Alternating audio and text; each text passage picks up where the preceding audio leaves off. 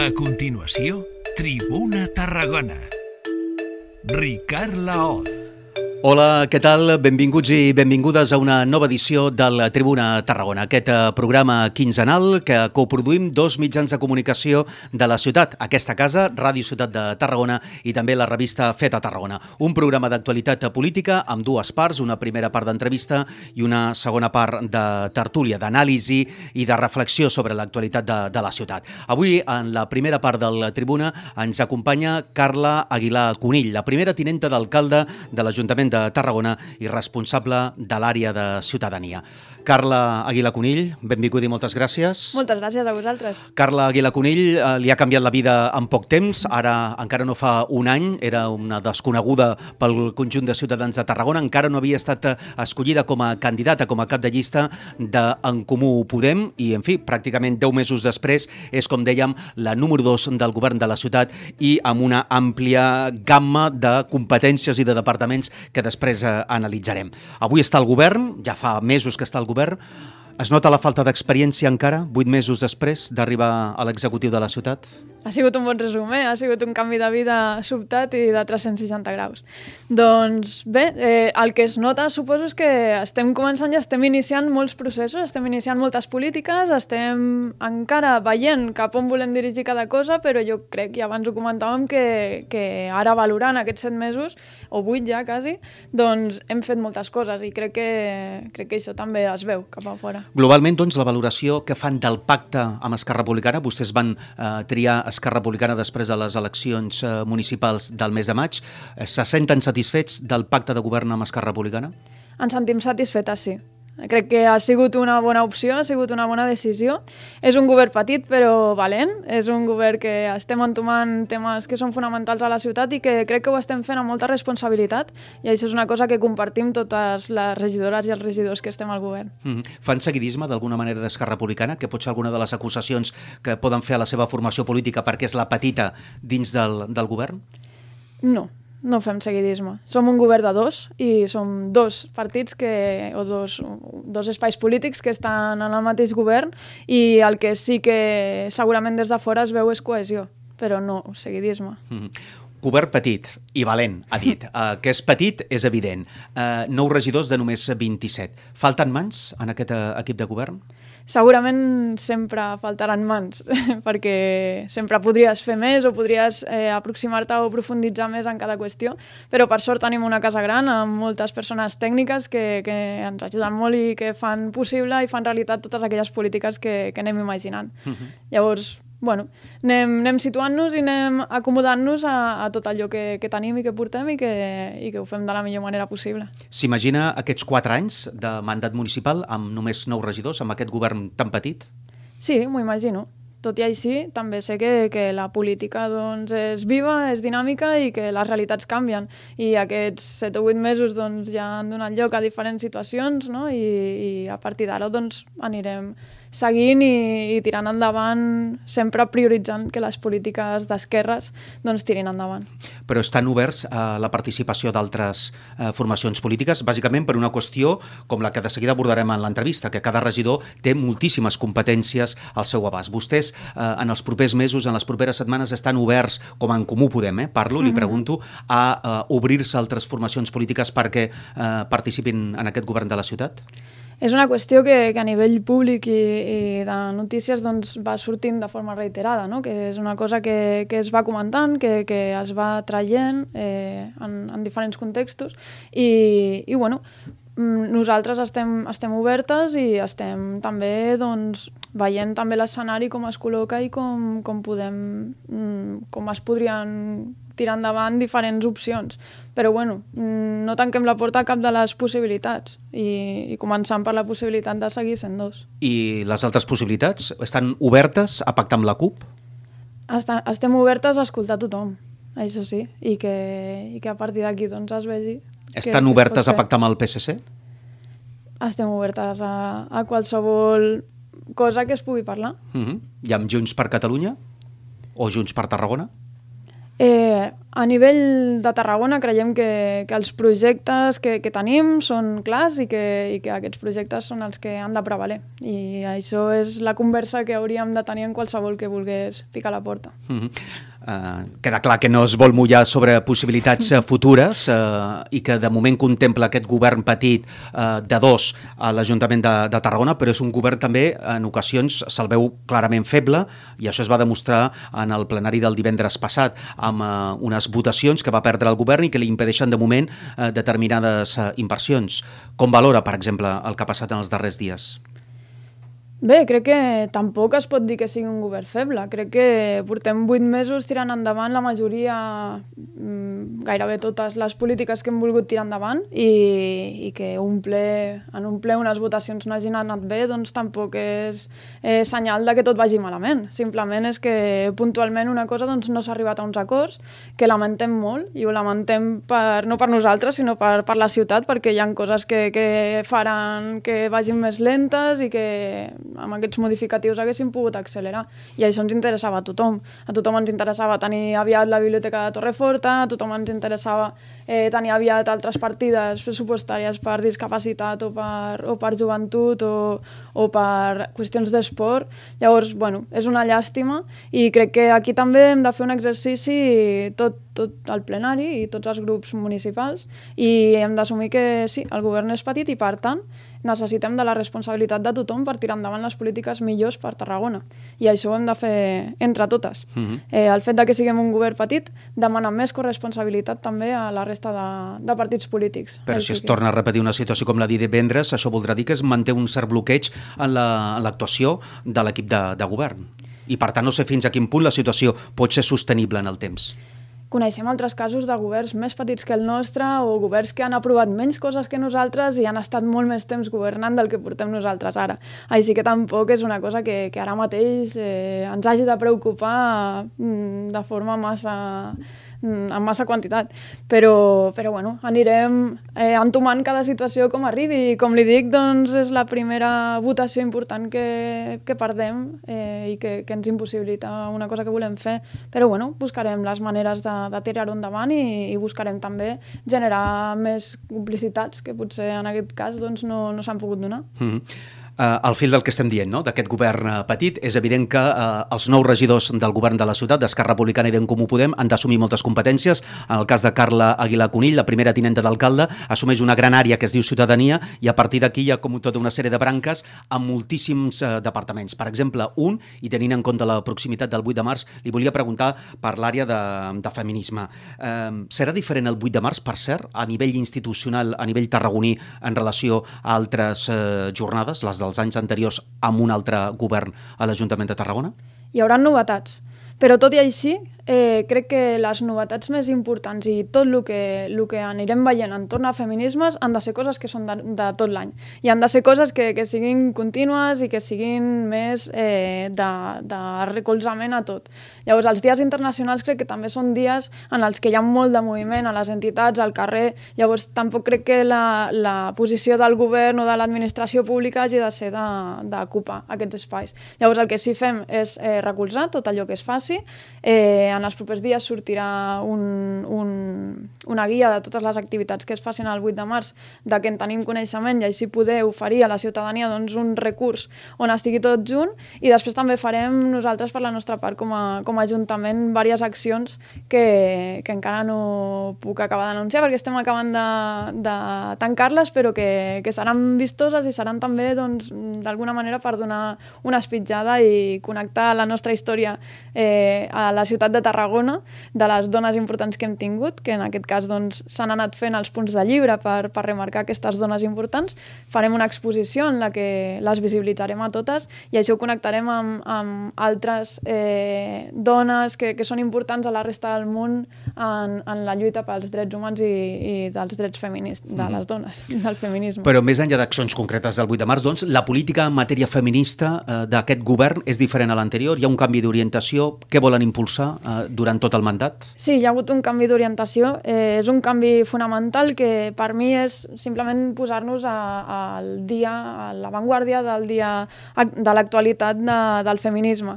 Actualment eh, el feminisme sobretot s'aborda des de la pluralitat, des dels feminismes i connectant-ho molt intensament amb, amb el moviment LGTBIQ, perquè al final el masclisme i l'estructura patriarcal doncs, ens ofega totes i, i al connectar aquests dos moviments doncs, realment pots abordar les situacions en la seva complexitat. Eh, hem fet una regidoria únicament per feminismes i LGTBIQ, que no existia, abans era una regidoria d'igualtat que incorporava altres, altres competències que no tenien a veure amb el gènere. Eh, fem una regidoria únicament per això, canviem aquesta orientació i eh, hem fet també un canvi simbòlic en, en aquesta campanya eh, que bandera no, de l'Ajuntament, que la volem conservar i que la respectem moltíssim perquè ens sembla molt important, com és el respecte, i, i li hem fet aquest canvi de nom perquè d'acord amb allò que ens deien les entitats i allò que havia recollit l'Ajuntament mateix, que tenia un diagnòstic sobre aquesta campanya que, que li recomanava doncs, fer un canvi de nom que no identifiqués i no, i no responsabilitzés a les mateixes dones de la seva seguretat, no? de que no hagin de ser elles les que demanin respecte, sinó que sigui un imperatiu, respecte i prou. Llavors, això ha sigut una mica el pistoletazo de salida. A partir d'aquí doncs, hem anat fent altres, altres coses, com una cosa que per mi era un deute pendent que tenia l'Ajuntament i que tenia moltes ganes de tirar endavant, que era el Pla d'Igualtat. Eh, li hem dit Pla de Gèneres i Igualtat d'Oportunitats per incorporar també aquesta visió eh, eh, interseccional i, i de forma més, més, eh, més inclusiva i, i el farem també extensiu, o sigui, farem que tinguin també plans d'igualtat les empreses municipals i mixtes, perquè així la, la igualtat de gènere es treballi des de tots els departaments i des de totes les empreses. Mm -hmm. Amb la seva arribada al govern, per exemple, també eh, s'ha creat el Departament de Benestar Animal. Eh, en els pressupostos que es van aprovar a final d'any, per exemple, hi havia una partida eh, per la protectora d'animals eh, de 70 i escaig mil euros, em sembla. Eh, què volen fer, doncs, per exemple, ja que entrem en aquest àmbit de, de benestar animal i que és una de les qüestions que per vostè també a nivell nivell personal és prioritària. Sí. Eh, a la protectora d'animals, què volen fer amb aquests diners?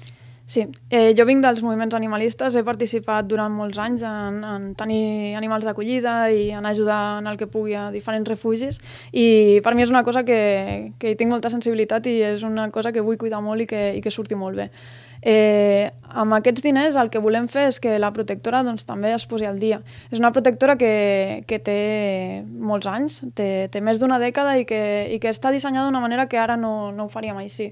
Llavors hem d'adequar-la a una situació més, més actual, eh, de manera que siguin espais més oberts, que tinguin més contacte amb la natura, que, sigui una, que doni la possibilitat d'una gestió més, més porosa amb la ciutat, no? que, que sigui més fàcil que hi hagin activitats i hi hagi una, una connexió amb les entitats o amb les activitats que es puguin fer amb els animals. Llavors, aquest primer any eh, tenim tots aquests diners i els gastarem i seran en la millora d'aquestes instal·lacions, però també volem aportar una mirada estratègica i veure com podem fer que aquesta protectora millori i que, i que en el, al llarg de la resta d'anys, de, dels anys que venen, doncs pugui anar desenvolupant-se i anar creixent en el sentit aquest d'actualitzar-se molt. I creixent també en capacitat, és a dir, en nombre d'animals que pugui acollir? Eh, sí, i encara que la, la... O sigui, sí, tot i que els que té ara doncs ja, ja són Ja són molts. molts, per això, per això li preguntava, sí. com, com ha parlat sí, sí, de créixer, no sé si es referia a quantitat. Eh, em, bueno, em referia a créixer a millorar, però sí, està clar que ha de tenir la capacitat d'absorbir tots els animals que, que arriben efectivament, no mm -hmm. aquells que voldríem que arribessin, que, que també hem de fer campanyes de, de rebuig de l'abandonament i de fer que, que tot això disminueixi, però, però està clar que els que hi són i el nombre que, que calculem que hi poden ser, doncs han d'estar bé i s'ha mm. de, de quantificar així. Escolti, per les tarragonines i els tarragonins que tenen mascotes a casa, eh, els pot dir si aquest estiu hi haurà una platja, un tram de platja específica per, per a gossos? Encara no els hi puc assegurar si serà aquest any o serà el que ve, però tinc tot l'interès de que, de que de la sigui. tramitació de les tramitacions administratives. Sí, sí. Soc molt cauta i no vull donar esperances de coses que, que no sé al final si es podrà fer aquest any segur o no, però estem posant tot el nostre empenyo en que això sigui així. I l'espai el tenen decidit? Eh, estem treballant-lo també. Sí, volem que, que sigui un èxit i volem que, que surti molt bé. Així que ho estem treballant amb molt de carinyo perquè surti bé. Igualment, la platja per gossos és un equipament que és necessari, que fa un munt d'anys que, que és una demanda ciutadana que, que ja s'havia dit que es faria i que mai s'havia fet, però ha d'anar acompanyada d'altres espais que també serveixin per, pel mateix objectiu. Espais que ens permetin tenir un lleure cívic i un lleure vinculat a l'esport i als animals i que, i que faci que, que els animals també visquin millor a la nostra ciutat. Mm -hmm. Llavors, Parla dels correcans, no? M'imagino... Parla dels correcans, i, sí, dels correcans sobretot i de la millora dels pipicans que, mm -hmm. que hi ha ara. Però bueno, amb, amb tot això doncs, també hem de, hem de fer que tot eh, s'acopli bé i que, que sigui coherent. Però quina planificació o quina previsió tenen, per exemple, pel que fa a aquests espais de lleure per, per, per gossos? doncs que n'hi hagin i que, i que siguin suficients per, per, lo que, per, per la població que tenim i que estiguin ben repartits.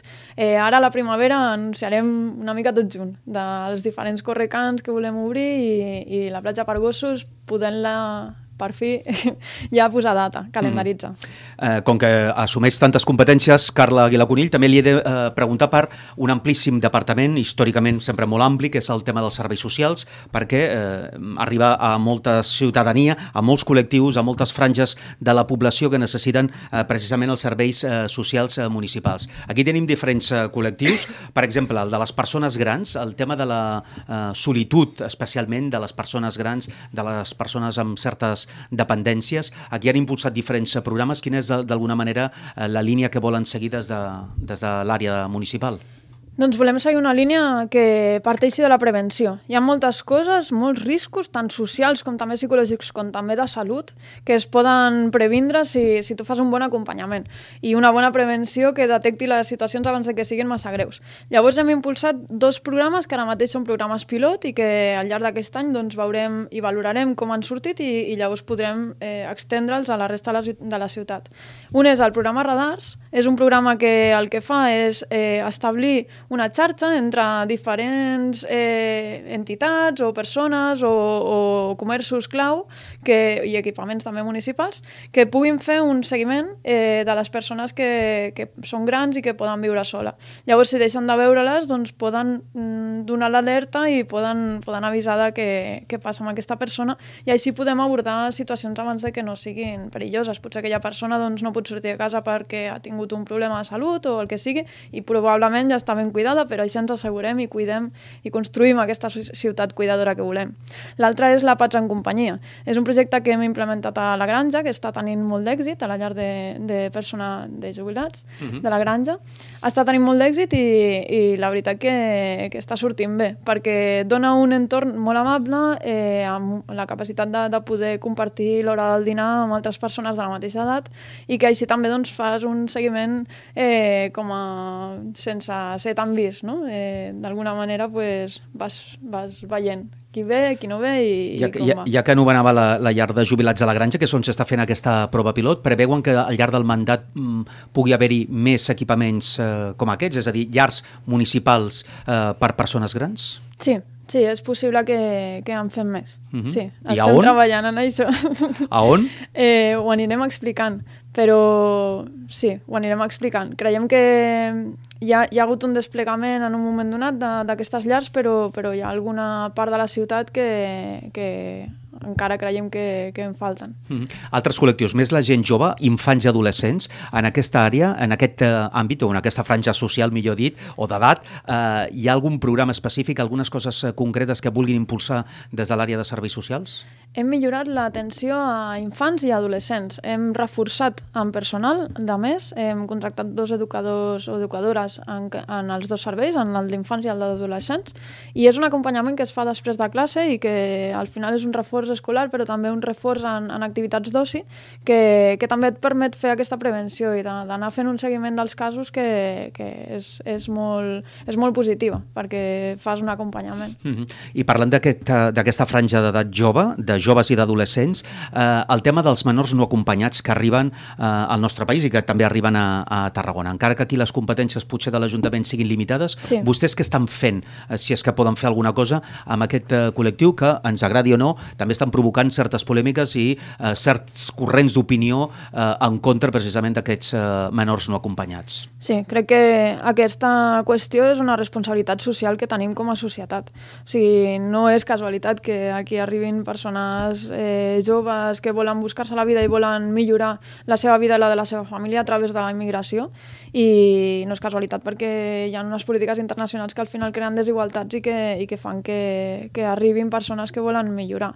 Llavors, Eh, nosaltres el que hem fet és eh, contractar tres persones també en aquest àmbit, tres educa educadors socials, educadores, eh, que el que fan és, eh, faran, perquè comencen ara, eh, tot just estan començant, eh, faran un diagnòstic de les persones que, que tenim aquí a Tarragona i faran un abordatge d'acompanyament social i psicològic a aquestes persones per reforçar-les, per empoderar-les i perquè puguin tenir oportunitats reals a la nostra societat, perquè realment eh, necessiten aquest acompanyament i els hem de donar. Uh -huh. uh, I ho faran uh, en els centres uh, de menors on estan, aquestes, uh, on estan aquests joves o on ho faran aquesta, aquest seguiment? És que tenim la, la, la problemàtica no resolta de que, de que hi ha uns serveis que atenen aquestes persones fins que compleixen 18 anys, però després doncs, també s'ha de fer algun acompanyament o s'ha de fer una inserció perquè, perquè no es quedin en la nada. No? Llavors, aquest, aquests educadors socials faran aquesta tasca també de, de aquest acompanyament clau, que, que és el de... Tens un, unes persones que estan en una institució, però després quan passen a, a haver-se de valer per si soles, doncs que tinguin un recurs de, mm. de suport. I pel que fa als col·lectius de persones més vulnerables des del punt de vista econòmic, eh, la, parlant del fenomen de la pobresa, de la gent eh, que dorm al carrer, del sense sostre, eh, aquí mm, pensen implantar al llarg del mandat alguna mesura o algun equipament eh, que fos de titularitat municipal, encara que potser ho gestionés és una, un ens eh, privat. Eh, sí. Quina és la seva idea sobre aquest àmbit? Ara aquest mes hem fet una trobada de la xarxa d'atenció a les persones sense llar, que crec que és un, un espai molt important a, a empoderar i a, i a donar força, que és on, on es posen sobre la taula tots els recursos que existeixen a Tarragona i es coordinen perquè, perquè es potenciï cadascun d'ells. Jo crec que quan tu poses en connexió amb la resta de, de recursos el teu propi recurs, doncs fa que, que tots guanyem perquè, perquè tot surt millor. No? Llavors, aquesta xarxa, potenciar-la molt i, a part, nosaltres també donar dos recursos més que creiem que, que són importants i són fonamentals des de l'Ajuntament. Un d'ells és el pis de transició. Aquest pis el que faria és que agafar uns quants, bueno, uns quants casos que serien rotatius i, i aquests doncs, mm, començar pel Housing First, que és donar una llar, i a partir de la llar doncs, poder fer un programa d'acompanyament per la inserció laboral. En aquests casos creiem que, que podem tenir molt d'èxit i que el que faran és, és resultats reals, no? que al final no dones només menjar i mantes que, que, que s'ha de fer, però fer alguna cosa més no? que, que faci possible que aquestes persones surtin més endavant eh, d'aquesta situació. I després l'altre és un, un centre de dia que el que faria és un acompanyament tant d'higiene, de, de necessitats bàsiques, com també social i psicològic, i i a través d'això doncs, anar fent un acompanyament i anar veient quins casos hi ha i com evolucionen. Mhm. -huh. I tant en el pis eh, que parlava, no? pis com compartit, crec que ha dit, eh, i el eh, centre de dia... De transició. Pis, pis de, de transició. transició, perdó. Sí, pis de transició, que no sé si seria compartit o no, però en qualsevol cas. Pis, pis de transició i el centre de dia, eh, això seria gestionat directament per l'Ajuntament? Creu que és la millor mesura o, o ho posaria en mans d'entitats de, de, del sector? Ho gestionaria l'Ajuntament. No treu que, que puguin haver col·laboracions i que puguin haver que els recursos doncs, que també es potenciïn i es facin servir el més possible. Mm -hmm. Anem acabant, eh, com que té tantes competències, com dèiem des del principi de l'entrevista Carla Aguilar Conill, parlant de centres cívics. Eh, aquí la política eh, serà més o menys la mateixa que en l'anterior eh, govern, en l'anterior mandat, preveuen fer coses diferents. Eh, L'equip de govern, a través precisament de l'alcalde Pau Ricoma, que és el regidor de Cultura, ha parlat molt de donar donar-li també eh, un caire cultural de continguts culturals als centres cívics, però els centres cívics que són de la seva competència eh, volen canviar-los d'alguna manera? Eh, hi han dues línies de canvi fonamentals amb els centres cívics. Per una, per una banda són els, els mateixos equipaments. Volem que siguin accessibles, més accessibles del que són, perquè alguns tenen limitacions, i en això ja estem començant amb, amb obres i alguns ja, ja hem fet que els lavabos siguin accessibles. També és necessari que els escenaris siguin accessibles perquè tothom ha de poder eh, dir coses i no només venir com a públic. I també millores que, que bueno, són del mateix equipament, pel pas del temps doncs necessitem que, que això es vagi fent. I és per això que hem destinat una bona partida de diners per, per aquestes millores. Per altra banda, també hi ha canvis que seran més a nivell dels continguts dels centres cívics. Per una banda, els monogràfics tindran sempre una línia que, que sigui de qüestions feministes i d'autoconeixement del cos de la dona. Ara, en el llibret d'hivern-primavera, que ja el teniu, doncs trobareu grup de dones, per exemple, un cercle de dones o un teatre de l'oprimida o també eh, altres que, que són de vinculació de, del cicle menstrual amb la natura i, i després també activitats entorn a l'ecologia, tant d'aproximació de, de coneixement del medi natural que ens envolta aquí a Tarragona, com també de, de contactar amb animals i, i de tenir coneixement sobre aquests temes. Després també eh, volem que els centres cívics eh, esdevinguin més un lloc de proximitat de l'Ajuntament amb la ciutadania i amb les entitats. I és per això que estem preparant diferents recursos que faran que, que, que aquestes entitats o la ciutadania doncs, a través dels centres cívics tinguin una línia més directa amb nosaltres i sigui una manera més fàcil i més pràctica de donar recursos i eines per l'autoorganització, però també per, per una organització més efectiva en la relació amb l'Ajuntament, que a vegades sabem que és complicada. Mm -hmm. Això és un projecte de mandat, m'imagino o de manera immediata? No, no, aviat anunciarem coses, sí, sí. Uh, I acabem, ja que parlem d'equipaments, l'hotel d'entitats està tancat. L'hotel d'entitats, que és aquell equipament que aplegava entitats uh, i que estava al damunt del Palau de Congressos, perquè la gent ens entengui, a l'alçada del carrer Pons d'Icar. Segueix allà. Segueix allà, però tancat. sí, sí. Uh, I Aliana va preguntar, el reobriran n'hi haurà un nou hotel d'entitats? Hi haurà un equipament similar que faci uh, la funció que feia fins a finals del 2019 l'hotel d'entitats? Uh mhm.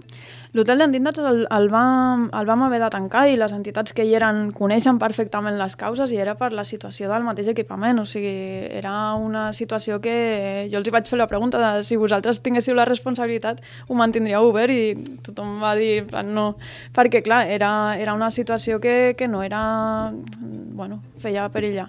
Llavors, eh, el, que, el que farem ara és repensar també el projecte. Un hotel d'entitats el que feia és ajuntar totes les entitats i posar-les en un lloc que aquí a Tarragona, el lloc on, on estaven posades, no era un lloc que afavorís la, el pas de la ciutadania, ni que es coneguessin més, ni que tinguessin visibilitat. Llavors, volem potenciar una mica aquesta idea i potser no cal que sigui un mateix lloc per totes, sinó que sigui una, la possibilitat que els equipaments i, i les, els llocs on puguin fer servir les, les entitats doncs, estiguin més repartits per tota la ciutat de Tarragona i, i poder fer que, que sí que tinguin espais però que els tinguin de manera més fluida, d'aquesta mm -hmm. manera per potenciar també i, i fer que tots els espais s'aprofitin el més possible i a nivell de lo que és l'equipament que tenim de l'hotel d'entitats, doncs repensar una mica el seu ús. Sabem que hi ha moltes mancances i hi ha moltes necessitats de diferents equipaments, tant de reforç dels que ja existeixen com també d'equipaments nous que, que les noves polítiques i els nous temps ens demanen i estem pensant en projectes crec que molt interessants per a aquest espai. És a dir, que l'espai que ocupava l'hotel d'entitats és recuperable d'alguna manera? I tant que o el volen recuperar? Sí, sí. I el tema de les entitats que estaven en aquell hotel, en aquell equipament i que ara segurament estan repartides vegades vostè és partidària de repartir-ho en diferents espais de, de la ciutat, entenc. Sí, mantenim el contacte amb elles i els hem recolzat en la cerca d'un altre espai. Eh, la majoria d'elles estan en equipaments que són municipals i han pogut eh, fer ús de, de recursos que, que en algun cas ja existien i en altres doncs, hem fet perquè, perquè puguin fer-los servir. I, I és que, de fet, tenim molts equipaments, per exemple, als centres cívics també una de les coses que estem fent és que hi hagin espais per les entitats que, que puguin fer-los servir com a despatx, per exemple exemple, que això veiem una mancança, no? que no hi havia prou espais. I també volem que, que tot això es pugui fer de forma més, més fàcil que, que fins ara, que a vegades els tràmits doncs, dificulten accedir a, determinats, a determinades coses. Doncs facilitant tot això crec que també tothom estarà més, més podrà fer servir més recursos. Mm -hmm. Doncs parlant de la relació amb les entitats, acabem aquesta conversa eh, variada en temàtica, com haurem pogut eh, sentir i veure, amb Carla Aguilar Conill, la primera tinenta d'alcalde de l'Ajuntament de Tarragona, la responsable d'aquesta gran àrea que s'anomena Ciutadania i amb la qual també en els primers minuts hem parlat de, de política i del pacte de govern amb Esquerra Republicana que mantenen des de fa gairebé nou mesos després de les últimes eleccions municipals. Tota una experiència nova per la Carla Aguilar Conill i també per la seva formació política. Moltes gràcies per compartir aquesta estona aquí al Tribuna Tarragona. Moltes gràcies a vosaltres. Gràcies. Encantada. Fins aquí la primera part del programa del Tribuna Tarragona. Després de l'entrevista, ara de seguida saludem dos companys periodistes, Jaume Garcia i Didac Montoliu.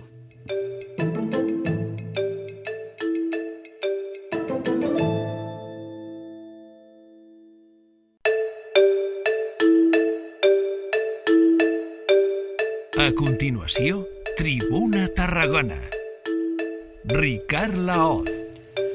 Som ja a la segona part del Tribuna Tarragona d'aquesta setmana. Com sempre, temps de tertuli, temps d'anàlisi en companys periodistes. Avui amb Jaume Garcia, director del Tarragona 21, i també amb Didac Montoliu, company de la secció de política del Tarragona Digital. Jaume, Didac, bona tarda i benvinguts. Bona tarda. Bona tarda. Hem sentit uh, Carla Aguilar Conill, uh, la primera tinenta d'alcalde de l'Ajuntament de Tarragona. Amb ella hem repassat moltíssimes, algunes de les moltíssimes competències que tenen, com tots els regidors de l'equip de, de govern, i precisament els primers minuts, encara que de manera molt sintètica, els primers minuts de l'entrevista han parlat més de, de l'actualitat eh, política, d'aquesta valoració del govern de la ciutat, de dos, de dos formacions polítiques, eh, de nou regidors, de 27. Ella ha parlat d'un govern petit però valent, i en general podríem dir, Jaume i Dida, que ha tirat pilotes fora sobre possibles ampliacions. No? Jo que li he anat a preguntar si faltaven mans, mm, tampoc ho ha deixat molt clar i ha donat a entendre que fins i tot es veuria quatre anys governant amb aquesta, amb aquesta situació actual. Sí. Com heu vist aquesta part de les declaracions i del posicionament de, de la representant, de la portaveu d'en Comú Podem? Bueno, és allò de dir no comen, eh? no, no mullo, no, no, no entro amb la matèria, és molt aviat encara, eh, som als inicis del mandat i, i bueno, senzillament ha volgut, no ha volgut mullar-se en cap sentit, eh? no comprometes amb ningú, ni comprometes amb els seus socis, de futures o no futures ampliacions. Es fa difícil, ella és valenta, eh, o almenys una imatge que és valenta, perquè es fa difícil que un govern com aquest pugui durar, almenys durar, sí que pot durar, però treballar amb eficàcia i amb tranquil·litat i no havent d'apagar incendis i treure, eh, aixecant aigua, com diuen de la barca, que estan constantment així. No? Bueno, ja veurem, es fa difícil, hi ha, hi ha diferents escenaris possibles, eh? d'aquí allò a mig termini o més llarg, però és complicat governar d'aquesta manera, és molt complicat, ja ho vam veure l'altre dia, l'últim ple, eh? gairebé mig milió d'euros que estaven destinats per fer els modificatius de crèdit, que cada, en cada mandat se'l fan sí, i que sempre sí, el que sí. governa diu que són necessaris i que quan l'oposició els vota en contra és irresponsable perquè va en contra de la ciutat i de les entitats, doncs va passar. Mm -hmm. Va passar ja en, en 8 mesos. Didac. Clar, per una banda s'entén, per una banda s'entén l'actitud de la primera tinent d'alcalde, de la Carla, de voler transmetre una imatge de que, de que van bé, de que funcionen, però per una altra no, no casa amb la realitat. I quan vens una imatge que no va acompanyada per la realitat, tens un problema. No, no és un govern que faci aigües estrepitosament, perquè no ho és, però no, és un govern que no acaba de rutllar. És que el concepte és molt clar, falten mans. Falten mans en gent experimentada. Se li ha notat més a la segona part de l'entrevista, quan ha parlat de serveis socials, una àrea que ja funciona amb més, amb més anys, i allí sí que eh, eh, hem pogut parlar de coses concretes, de Clar, coses tangibles. Perquè hi ha un rodatge previ, vols dir, Clar, no? Previ sí, de, històric. De... Previ històric de, de funcionaris del departament, allí sí que sí. Però quan hem parlat de les àrees que, que aporten ells, de uh, igualtat, a l'LGTBI i tot això, ens hem quedat en un discurs ideològic bastant fluixot, mm -hmm. bastant fluixot, ho compartiràs o no, però la base del discurs ha sigut fluix. Mm.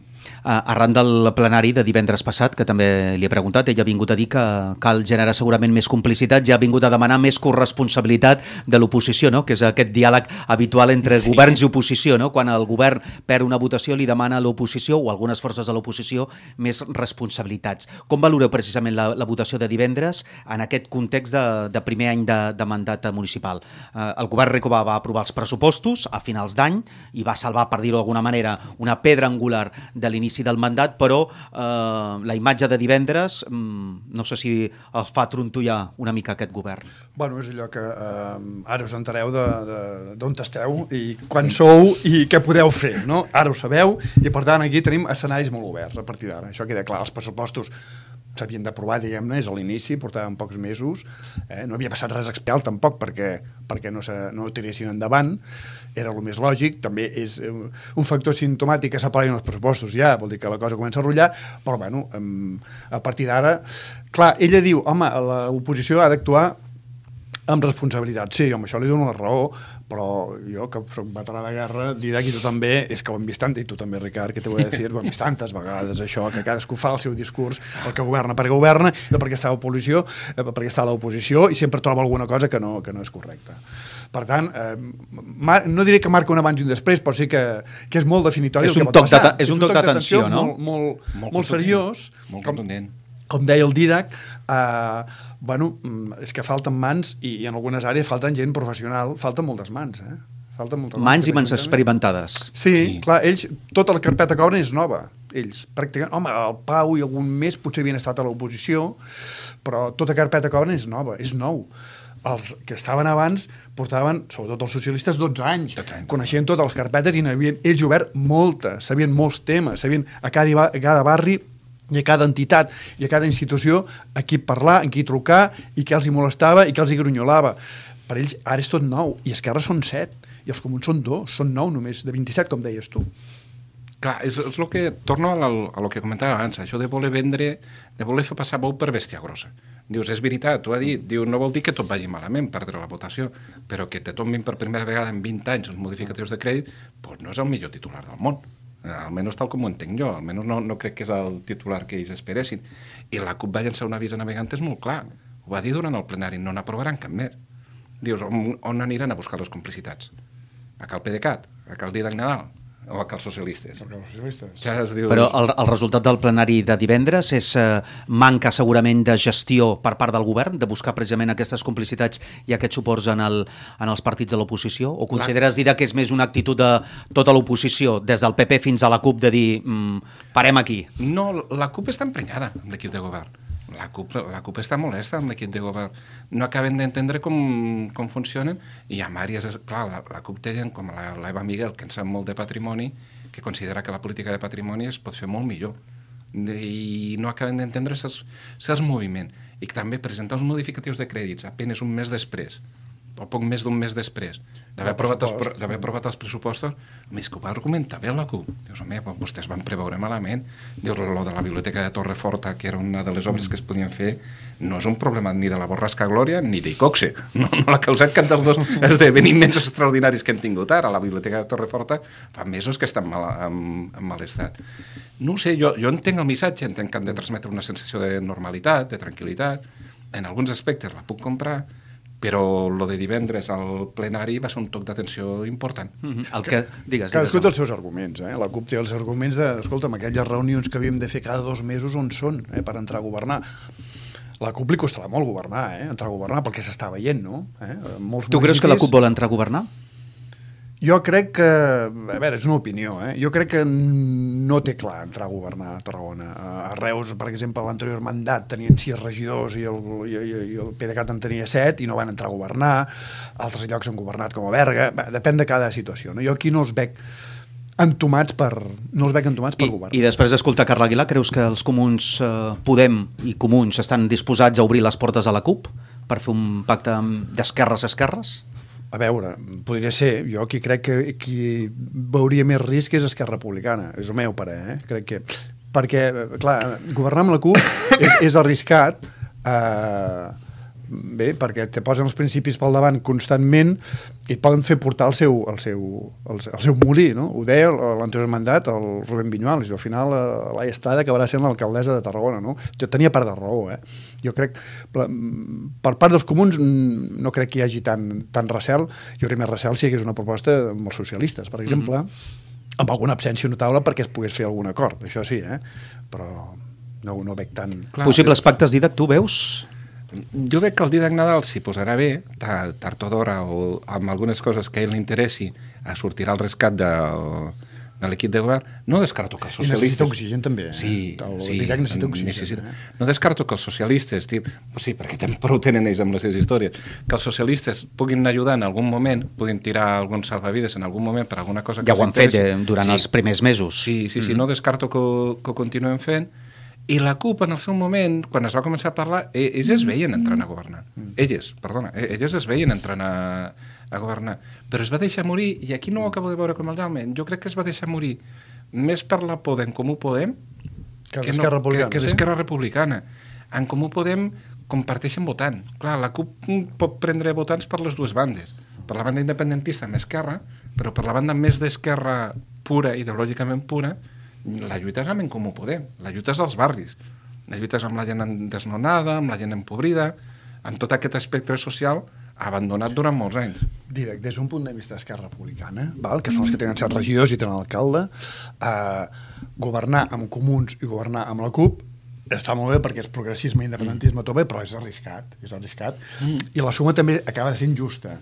És arriscat per això, per, perquè et puguin arribar a forçar segons què, no? Mm. Un altre escenari, per exemple, en una altra època històrica, com serien els socialistes, eh, els hi facilitaria 14 regidors i ja ho tindrien fet. Eh? Sí. Passa que ara és, és, això de moment és implantable. Però és, és qüestió de, de temps, per això, com que de dius moment. de moment, eh, i el mandat acaba de començar i tenim sí. 3 anys i escatxa per davant, tu creus que es poden obrir portes, com si fos una comèdia en un escenari de teatre, obrir tancar portes i es podrien obrir tu, portes del PSC? Tu imagina't, a Madrid s'han obert portes amb la investidura, s'han obert portes, eh, s'estan obrint portes amb la taula del diàleg que l'ha creat Esquerra Republicana, pràcticament, eh? i el PSOE, que s'hi ha posat, i en certa manera, almenys des del punt de vista català, han descol·locat el tripartit de dretes, no? almenys des del punt de vista català. No?